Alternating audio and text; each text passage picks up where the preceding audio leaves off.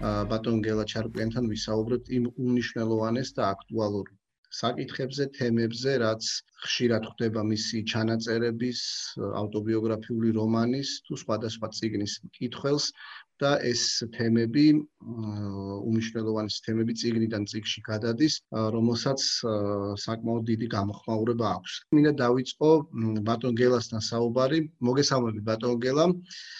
მოგესალმებით. თქვენი ყოველდღიურობის შესახებ რომ მოგვიყვეთ, როგორ ცხოვრობთ ამის შესახებ, მაყურებელი მკითხველი ნაწილობრივ ამას სოციალურ ქსელში თქვენს ოფიციალურ გვერდზე თვალს ადევნებს, მაგრამ დარწმუნებული ვარ საინტერესო იქნება.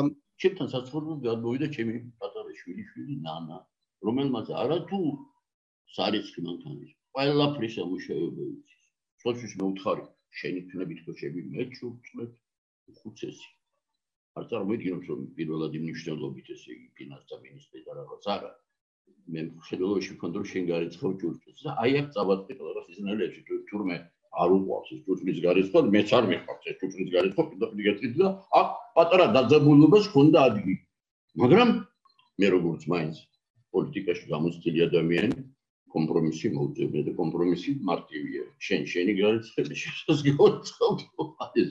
რას ვაკეთებ? სადილის შემდეგ იწყება უნდა გავიგო ახალი ამბები მე ყველაზე უფრო მაინტერესებს საქართველოს ახალი ამბები. ეხლა ახალი ამბები არ მარტივი არ არის, ეხლა მე ტელევიზია. მე უყურებ ხუთი ტელევიზიო კომპანიის ახალ ამბებს. ეხლა თქვენ მე თვითონ 5 საათს უყურებ. არ მე უყურებ დაახლოებით საათ ნახევარს, მაგრამ ნაკუც ნაკუც უყურებ. ეხლა ეს შესაძლებლობა არის და ამიტომ ასე ვაკეთებ. დაბალანსებულ სურათს ვღებულ უკვე საკმაოდ კარგს. ეხლა ამის შემდეგ შევდივარ BBC-ს საიტზე და კიდევ შევდივარ ერთ რუსულ საიტზე, რომელიც მაინტერესებს რუსების რას ფიქრობ, რას ლაპარაკობ. არა? ყველაზე ისეთი შედარებით მაინც ისეთი საიტია გაზეტა ru, რომელზეც შევდივარ და ის გამაღიზიანებელი პოშეტოში არ არის. იმდენად როგორც ზოგიერთი სხვა რუსული საიტი. ზოგჯერ მოგდის მუზა. ხო მოდის ეს მუზა? აი მე მაგალითად ამ კორონავირუსთან დაკავშირებით მომივიდა უზო და დავწერეს სონეტი. სონეტი, რომელშიც გამოვიყენე აი ეს ინგლისური სიტყვები, რომელიც იგი დღეს არის ძალიან აქტუალური კორონავირუსთან დაკავშირებით. მე წაგიკითხავ карантинიდან ისმის ვაიმე ვიშ გაიტანჯენ გოგო ბიჭები უგულებელ ყობ გაიდლაინებს და შენს კლასტერში შემოვიჭრები ბაკურიანს გაწევ ლამაზავა ტყობს ჯერ ტაქსით ვივლით მე რკინიგზით თუმცა ამჯერად კოცნას არ აკითხო და უკმაყოფილდეთ თერმოსკრინინგით გადმოგატარებ ველებს ნაპურალს ოზონ ნაყლაპს და ეგზომ ჟინაშვილს და იმკურნალებ მამაპაპურად. ჩემს ბოქსირებულ ყოდრობინაში და როცა დაჰკრავს ზარის ამების შენს განკურნებას მივესალ. აი დაახლოებით ასეთია ჩემი გრაფიკი და გრაფიკს მიღლა აი ესეთი როგორიც შემოქმედებითი ცხოვრება როდესაც მუზა მოიწ.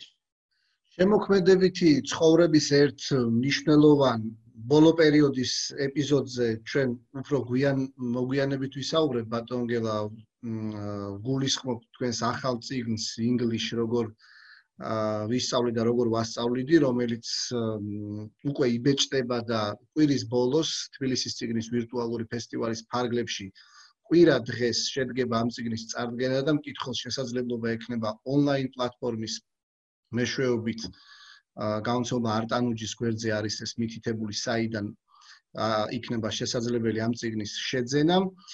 მაგრამ ამ ციგზე ჩვენ მოგვიანებით ვისაუბრებთ. სხვადასხვა ამ ციგშიც არის ეს თემა, აქტუალური თემა, რომლის შესახებაც ახლა მინდა გკითხოთ, რომელსაც თქვენ მუდმივად უტრიალებთ თქვენს ჩანაწერებში, პირად საუბრებში, ასეთი ტიპის ლექციების დროსაც, ეს ეხება დამოუკიდებლობას.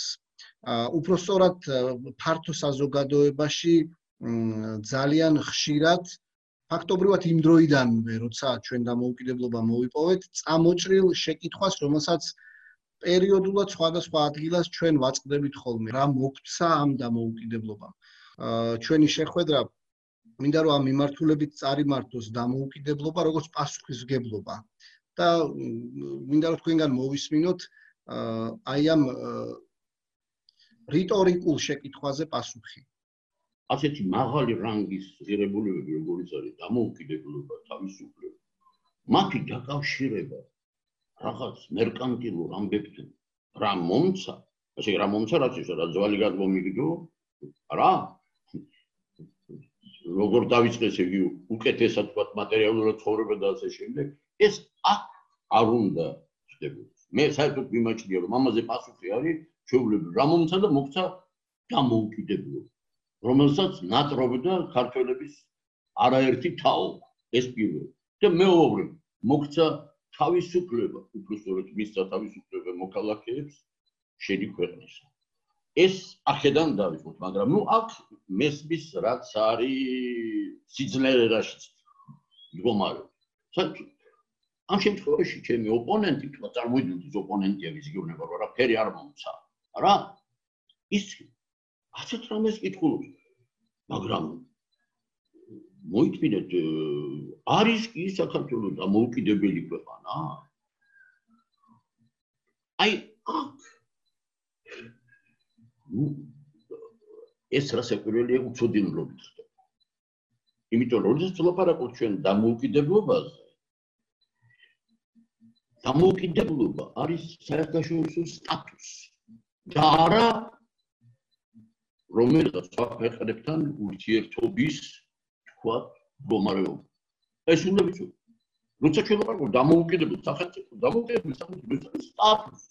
ანუ სტატუსი რომელსაც აქვს რასაკვირველია თავისი რაღაც ნიშნები, აუცილებელი ნიშნები. ნუ რა არის აუცილებელი ნიშნები და ვიცით იმით რომ დამოუკიდებელი სახელმწიფო აუცილებლად არის გაეროს წევრი. ეს პირველი.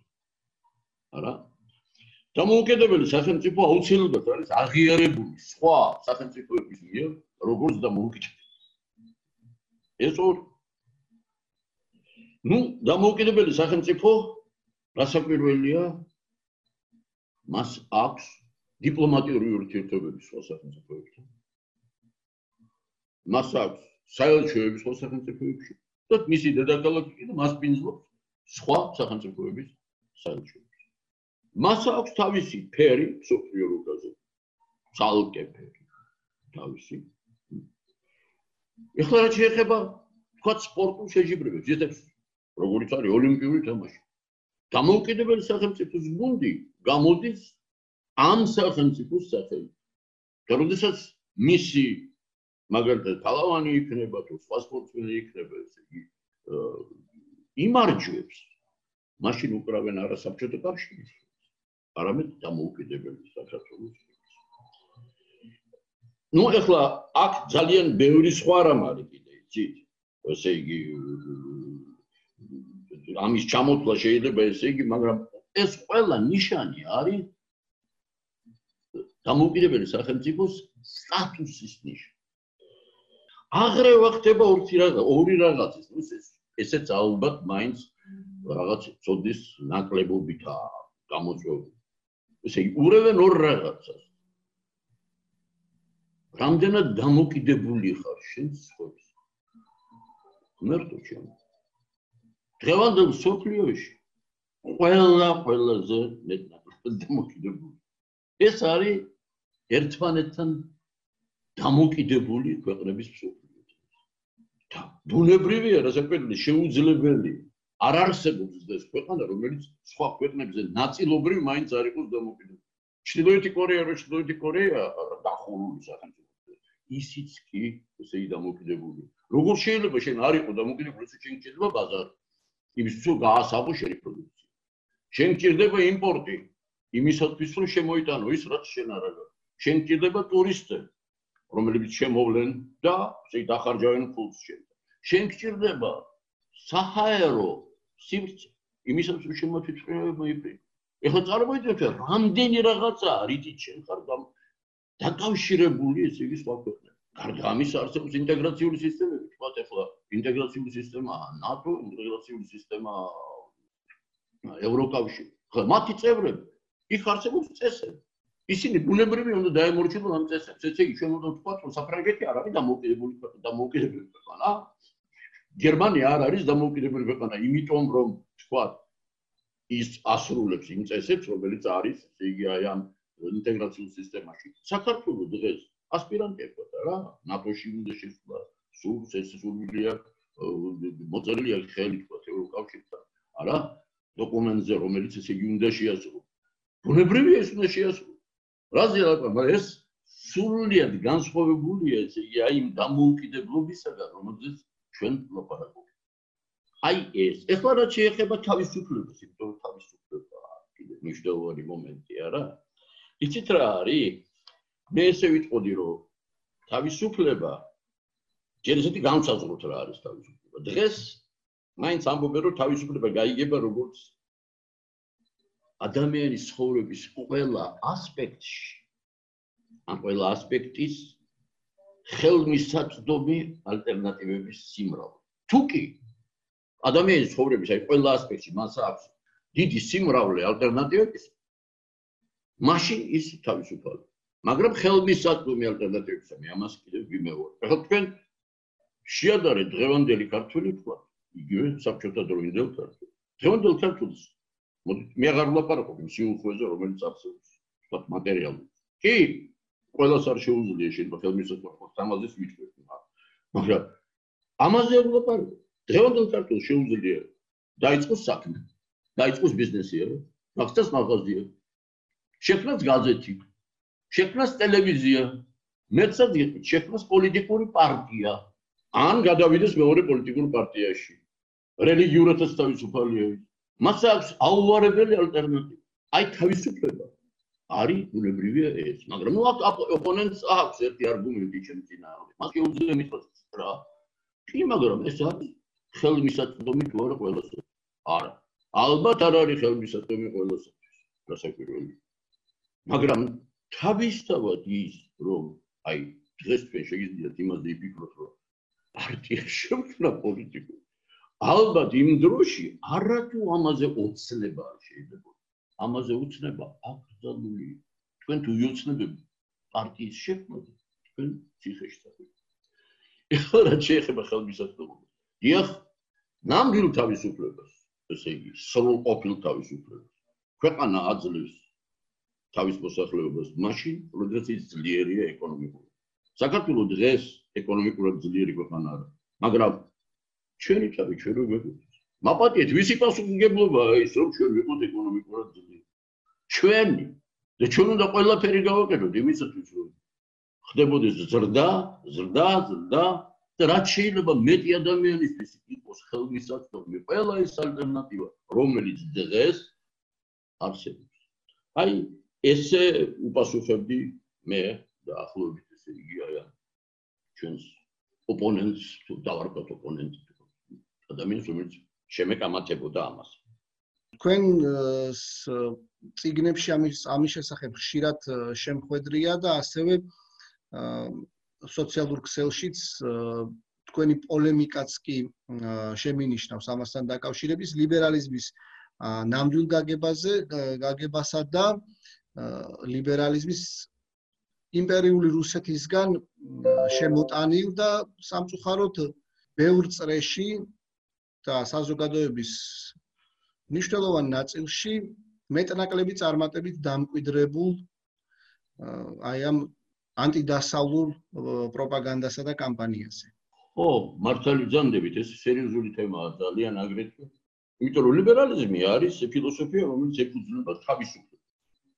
ესე იგი, ну, არსებობდა ეს იდეები ადრეც, მაგრამ მოდით ვთქვათ, რომ მაინც ლიბერალიზმი სრული სახით არის პროდუქტი ევროპული მე-18 საუკუნის ევროპული განმანათლებლობის. პოლიტიკური თვალსაზრისით, ესე იგი, მისი მთავარი პრინციპები რა ახალწლებში? ეს არის წარმომადგენლობითი დემოკრატია. ეს არის კანონის უზენაესობა, პლურალიზმი, ადამიანის უფლება, უფლებები, ბუნებრივი უფლებები და სოციალური უფლებები შედის ამაში ფოტოშუს მათ შორის რასობრივი და გენდერული დადასტურება. ეხლა ჩემი საზრით არ იქნება გადაჭარბება მე რო ვთქვა რომ ლიბერალიზმი არის კაცობრიობის განვითარების ინტელექტუალური და ჰუმანური განვითარების გვირგვი. ეს არის ყველაზე მაღალი იდეოლოგია, რომელიც კაცობრიობამ შევა. ეს არის ყველაზე უფრო ადამიანის ინტერესებზე მორგებული იდეოლოგია. ესეც მნიშვნელოვანია ძალიან, არა. არა და ეხლა ავტოკრატიული და იმპერიული ისეთი იდეოლოგიები, ახლა თქვენ ახსენებთ იგივე რუსეთში, არა? აა მათი წყალობით ამ ბოლო ხანებში ლიბერალიზმი ხელწამოსაკრავი რაღაც გახდა. რაღაც ისე ლაპარაკობენ დაცინვით ლიბერალებზე და განსაკუთრებით დასანანია რომ მე ამას ვაწყობი ახაც შეთანხმ ნუ დაგვავისწრებო ილია ჭავჭავაძე იყო ლიბერალი თუ ლიბერალები იყო უმეტესობა ძალიან ბევრი სოციალისტის ქართული ქართული დიდი მოღვაწე იმიტომ რომ მათ ესმოდათ რომ ეს იყო იდეოლოგია რომელიც მართლა წარმოადგენს გვირგვინს კაცობრიობის განვითარებას ინტელექტუალურ ეხლა ის თუ რატო ერჩენ რუსები ლიბერალიზმს ეს გასაგებია. თუ გასაგებია რატო? იმიტომ რომ ლიბერალიზმი არის რაღაცნაირად სიმბოლურად დაკავშირებული დასავლეთთან. ну მართლაც ეხლა დასავლეთის ქვეყნების უმეტესობა მაინც მოქმედებს ლიბერალური დემოკრატიის პარტიებში რა. და ამიტომ რუსებისთვის თქვა მე თელომში მიყავს რუსი პოლიტიკოსები არა მოსად გამიგუცი მე აქ ერაზე არ ვაპარაკო ლაპარაკობაზე პოლიტიკოსები მათთვის განდევნა ლიბერალიზმისა. ეს ნიშნავს დასავლეთის გამო განდევნას.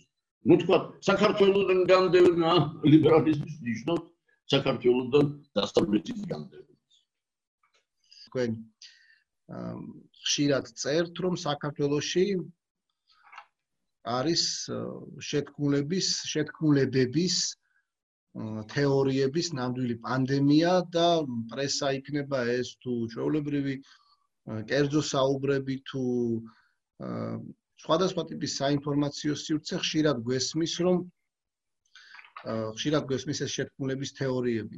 და ამასთან ერთად კიდევ ერთ საინტერესო და ну მეტნაკლებად სახალისო პერსონაჟი მინდა გავიხსენოთ თქვენი წიგნიდან. ნაცნობ ქიმერათა ფერხული დომენიკი დომინიკის სინდრომზეც რო ვთქვა, ვინ არის დომინიკი და თქვენ როგორ უყურებთ შეთქმულების თეორიის ესე მასშტაბურ ზდას პოსტსაბჭოთა ქვეყნებში განსაკუთრებით. ძალიან ცუდად უყურებ პირდაპირ ჯეთქვით, იმიტომ რომ საერთოდ კონსპიროლოგიური თეორიები გავრცელების და ის პოპულარობა ის აი ესე ხელშემწყობი არის რა. ნუ უცოდინრობა ყოველ შემთხვევაში ძალიან ისეთი მინიმალური განათლება. მე არ მინდა ვთქვა რომ ეს მხოლოდ საქართველოსში. მე წინს რომ საქართველოსში არის ამის პანდემია, იმიტომ რომ ასეთი მე ტიპის პანდემია არის ყველაზე ღარიბ აზიის და აფრიკის ქვეყნებში. ну მაგალითად ხო ჩვენ რო აიღოთ ბანგლადეში და ისეთი აი გამონათლებელი შრეები რო აიღოთ რა ღარიბი შრეები გამონათლებელი შრეები იქ საერთოდ არ ჯერა თუ თავის თავად რაღაცა შეიძლება ხდებოდეს. ყველაფერი არის მართვადი, ყველაფერი არის შემოგდებული. რომ არსებობს რაღაცა შეთქმულთა ისეთი კლანი რომელსაც ცუდის მეტი არაფერი უნდა. ყველას წინააღმდეგ იბრძვის და აი ის მართავს ყველაფერს ის შემოაგდებს ესე იგი რასაც უნდა ასე დაგას. ეხლა ნუ კარგი ეხლა ქვეყნებში სადაც იგი მართლა განათლება ნაკლებია ის კიდე რაღაცნაირად დასაგები მაგრამ საქართველოს ამბავი მე ნამდვილად მაშფოთებს ხა მე ამასილად მასე Facebook-ზე ფერადი ის დავდე პროფემას პოსტი რომელიც ასე ჟღერდა. კონსპიროლოგიურ თეორიებს ხზავენ ჭკვიანები და იჯერებენ იდიოტები. ეხლა მე მივხვდი რომ ცოტა უხეშად გამომივიდა და თუ ვინმე თავის თავზე მიიღებს ამას მე ვთხოვ რომ აპატიოს ცოტა უხეშად გამომივიდა მაგრამ მეორე მხრივ ისიც რატო გავაკეთე ეს? იმიტომ რომ ეს არ არის მხოლოდ თეორიები ამას მოყვება საკმაოდ საშიში პრაქტიკა ჩვენ ძალიან თხილად უნდა ვიყოთ და მე მიმაჩნია რომ რაც გვესაჭიროება ეს არის რასაკვირველი ისევ განათლება. თქვენ სახელმწიფოში განსაკუთრებით ხაზგასმულად საუბრობთ საზოგადოებრივი განწყობების შესახებ. აა როგორ შეიძლება საზოგადოებრივი განწყობები შეიცვალოს დროთა განმავლობაში და იქ მაინც ცენტრალური ადგილი უჭირავს გასული საუკუნის 60-იან წლებში წლებიდან წამოსულ განწყობებს რომელიც ფაქტობრივად სოფლიოს ხელახალ ფორმირებას რაც იმ პერიოდში მოხდა. აა ხოთ დღევანდელი ჩვენი ქვეყნის მაგალითზე როგორ შეიცვალა ეს საზოგადოებრივი განწყობები საქართველოში და თქვენ ახსენეთ ასევე ის რომ განათლება არის ყველაფრისთვის საჭირო მათ შორის ამ განწყობების შესაძლებლად და საზოგადოების მსაუბაა საჭირო და ასევე მინდა გთხოვოთ ის რაც თქვენთვის ბევრჯერ უთხოვიათ რომ რა რჩევას მისცემდით ახალგაზრდებს იმისთვის რომ ნებისმიერი ტიპის ინფორმაციის მიღების წყაროს თუ პოლიტიკური პარტიული არქიდან მიეწოდებათ ამ დემაგოგიური ნაკადის გასამკლავებლად რას ურჩევდით?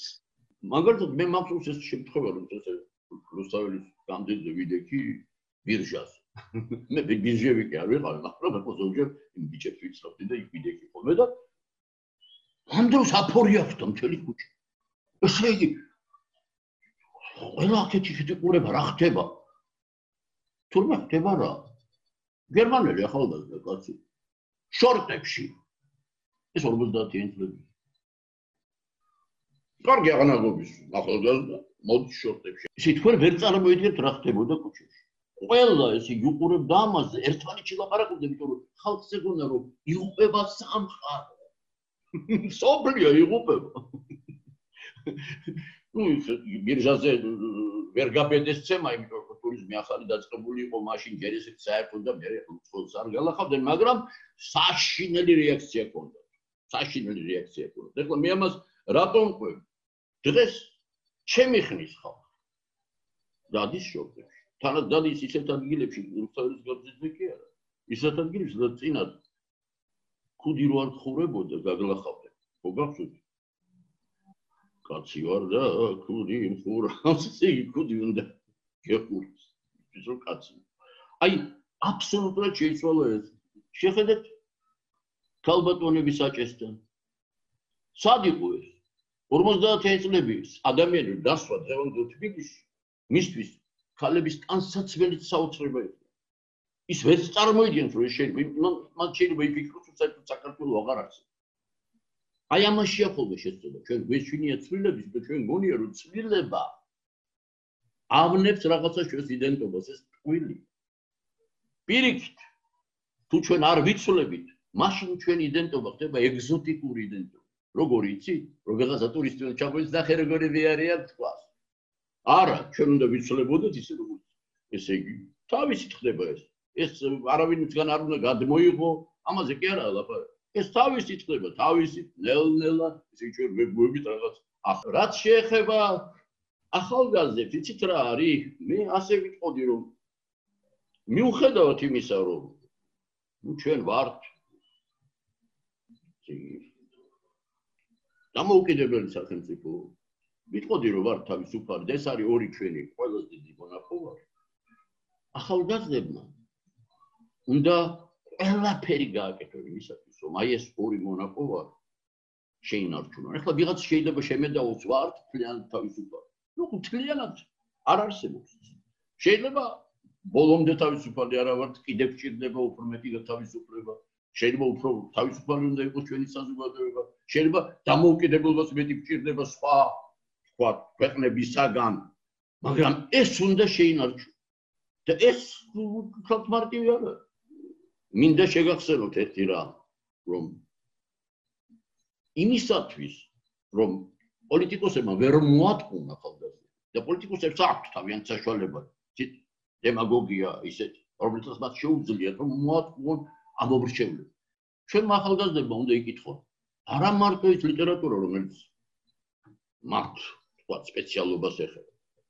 იკითხონ ისტორია, ისტორია ძალიან მნიშვნელოვანია. და იკითხონ პოლიტიკური ფილოსოფია, იმიტომ რომ პოლიტიკური ფილოსოფია იძლევა სწორად ცოდნას იმის თაობას თუ როგორ იქმნება სახელმწიფო, როგორ იქმნება დემოკრატიული სახელმწიფო. და თუ ჩვენ ახალგაზრდებს ეცოდინებათ ეს ყველაფერი, მაშინ მათ უკვე ექნებათ იმუნიტეტი გამომუშავებული. იმუნიტეტი აი ამ დემაგოგიის წინააღმდეგ. ერი რომელსაც უნდა იყოს თავისუფალი და უცოდინარი არასდროს არის და თავისუფალი. მოკლედ რომ ვისაუბროთ თქვენს ციგნზე, რომელიც სულ რამდენიმე დღეში გამოიცემა, აა დაბეჭდილი სახით ექნება მკითხოს საშუალება რომ გაიცნოს ახალი ციგნი English როგორ ვისწავლი და როგორ ვასწავლი ამ ციგს შეიძლება ითქვას რომ ძალიან დიდი ხანი ელოდა მკითხველი. ჩვენს გამომცემლობასაც ხშირად მიგვიღია აა შეკითხვები თუ რჩევები ამასთან დაკავშირებით თუ მოწოდება რომ რაი როდის მოამზადებთ ასეთ ციგს სადაც გელა ჩარკვიანი მოგვიყვება თავის გამოცდილებაზე როგორც ინგლისური ენის მასწავლებელი და ზოგადად ადამიანი ვინც გარდა იმისა რომ ენას ასწავლიდა ათეული წლების განმავლობაში შეიძლება ითქვას რომ ის კულტურა შემოიტანა რაც თან ახლავს ინგლისურ ენას. თქვენ ამ კულტურის შესახებაც წერთ, მოგვითხრათ ძირითადი მნიშვნელოვანი რაც რაც საინტერესო იქნება მკითხველისთვის ამ წიგში. ну მე ვფიქრობ რომ ჟანრობრივად ძნელია ზუსტად თქვა რა არის ეს ციგნი. ეს ციგნი არის ერთი მხრივ მემუარი, იმიტომ რომ იქ არის ის როგორ ვისწავლე ენა. მეორე მხრივ იქ არის მეთოდიკაც, იქ არის რაღაც მეცნიერებაც. მაგრამ ვფიქრობ, რომ მაინც სასარგებლო ციგნი იქნება. აა აქცენტი კეთდება რაზე ჯერ თვითონ ინგლისური ენის მნიშვნელობაზე. დაქვეა ისიც რა რომ ამ სპეციფიკას სპეციფიკას დიდი მნიშვნელობა აქვს სწავლების პროცესში. თო ჩვენ ზოგჯერ გონია რომ მე ყველა ენა ერთადერთი ისწავლე. არა, ის რაც ვარ გავთქვათ რუსული სასწავლებლად ის ინგლისური სასწავლებლად შეიძლება ვარ ნიხ მოცემულია ისეთ მეცნიერულად უფრო ესე იგი ეს განსხვავებები თქვა ну ლაპარაკი იმის თაობაზე რომ არსებობს ეს დიკოტომია არა ორად გაყოფა კატეგორიზაცია ენებისა ეგრეთ წოდებული ანალიზური ენებისა და სინთეზური ენებისა ну ინგლისური მიეკუთვნება ანალიზური ენებს ანა სადაც სადაც მორფოლოგია ძალიან ნაკლებად არის წარმოდგენილი. ამიტომ ეხლა ვთქვათ ინგლისური გრამატიკა, კერძოდ მორფოლოგია. შეიძლება აქცენტი მორფოლოგიაზე იმდენი არ გაკეთდეს, როგორც ვთქვათ, საჭირო არის თქო ქართულის შემთხვევაში. ან რუსულის შემთხვევაში. მე იქ მომყავს მაგალითი ხოცა შორის არის თუ კიდე გვაქვს ძრო მომას უბრალოდ ვიტყვი. აა მამაჩემი ყვებოდა სტალინის როგორი ეამაყებოდა ქართული ენის ლაკონურობა. და აი დასავდა ხოლმე პოლიტბიუროს და ზოგჯერ ეთქოდა ხოლმე, აი ნახეთ ქართული. აი შეხედეთ სიტყვაო, გაუკეთებინებია. ხედავთო? იმისთვის რომ მე ეს თქვენ გითხრათო, რამდენი სიტყვა უნდა ვთქვა? და ეს ევროპულ ენაზეო, შეიძლება 1 2 3 წინადადებას დაგჭირდეს რომ თქვა. ესე იგი, აი ეს სინთეზური ენის, ესე იგი, რა შეგვიძლია ისეთ ერთ-ერთი ნიშანია. აი ესეთ მორფემების შეგროვება სიტყვაშია რა და აგლუცინაცია. ესე იგი, მაგრამ მე ვფიქრობ, იქ უნიშნელოვანი საკითხი რა არის, იცით მაინც. რომ, ну, უცხოენა თქვა იგივე ინგლისში ითვლება ძნელ საკითხად უნივერსიტეტში. აი, იქ გაყოფა ესე იგი soft subjects and tough subjects. და ენა tough subject. რატო? იმიტომ რომ ენა მისი შეთვისება ცოდნის შეთვისება კი არაა მარტო რასაკვირველია ცოდნის ელემენტი არის როგორ არა მაგრამ ეს არის ჩვევის გამომუშავება. და ჩვევის გამომუშავება ძალიან ძნელია. ახლა მოგიყვანთ მაგალითად შეიძლება ადამიანმა ძალიან კარგად იცოდეს როგორ უნდა დაარტყას კუთხური. შეიძლება აუხსნა ადამიანს რომ კუთხური აი ესე უნდა დაარტყარო ფეხბურთში რომ ბურთია ესე წავიდეს დატრიალდეს დატრიალდეს დატრიალდეს და მე როდესაც მიო საჯარო მოეთოთან წავიდეს კარისკი. აუხსენი შენ ამ ადამიანს. მითხარი მან იცის ცოტნა დაარტყა სანამ 300-ჯერ, 400-ჯერ, 1000-ჯერ არ დაარტყავს ისე, ის ამას ვერ დაარტყავს. ასევეა ენაც. ენაში არის აუარებელი ჩვევა, რომელიც უნდა ადამიანმა გამოიმუშავოს. მე ვადარებ ენის შესწავლას, ბალეტს, მუსიკალურ ინსტრუმენტებზე დაკვრას და ასე შემდეგ. ისე აი ეს მე ვფიქრობ ძალიან მნიშვნელოვანია. პლუს ბოლოს გეტყვით იმას, რომ მე ჩემი მეთოდიდან იქ ბოლო გვერდები საკმაოდ ბევრი მოცემულია 555 რასაც მე ვეძახი სასარგებლო ორენოვანი მოდელები. მე ვთხოვდი ხოლმე ჩემ მოწაფეებს რომ ეს მოდელები ზეპირად ესწავლათ ხელათ არ არის ბუნებრივია. ერთი წლის მანძილზე კვირაში 20 რო ესწავლათ ზეპირად ისე რომ შეუფერხებლად. ნუ ალბათ აი ამ ხრივაც ეს ციგნი სასარგებლო იქნება. თუმცა იქ ძალიან ბევრი სხვა რამეც არის. ეხლა ამ ხრივაც იძებს უცბად ბევრს ვერ გეტყვი. დიდი მადლობა ბატონ გელამ